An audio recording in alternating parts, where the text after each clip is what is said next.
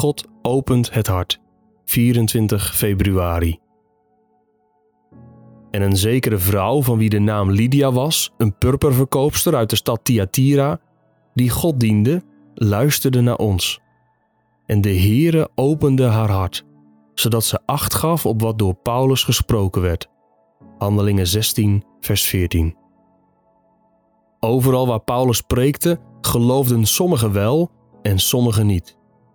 Hoe komt het dat sommigen die dood zijn in overtredingen en zonden, Efeze 2, vers 1 en 5, geloven en sommigen niet? Het antwoord op de vraag waarom sommigen niet geloven is dat ze het verwerpen. Handelingen 13, vers 46. Omdat de boodschap van het evangelie dwaasheid voor hen is en ze niet in staat zijn het te begrijpen. 1 Korinthe 2, vers 14.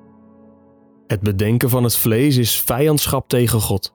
Het onderwerpt zich namelijk niet aan de wet van God, want het kan dat ook niet. Romeinen 8, vers 7. Degenen die het evangelie horen en verwerpen, haten het licht en komen niet tot het licht, opdat hun werken niet ontmaskerd worden. Johannes 3, vers 20. Ze blijven verduisterd in het verstand door de onwetendheid die in hen is, door de verharding van hun hart. Efeze 4, vers 18. Het is een schuldige onwetendheid. De waarheid is beschikbaar, maar ze onderdrukken de waarheid door hun ongerechtigheid. Romeinen 1, vers 18. Maar waarom geloven sommigen dan wel? We leven toch allemaal met een hart en opstandig hart, dood in onze overtredingen. Het boek Handelingen geeft het antwoord op die vraag op minstens drie verschillende manieren. Eén daarvan is dat ze ertoe bestemd waren om te geloven.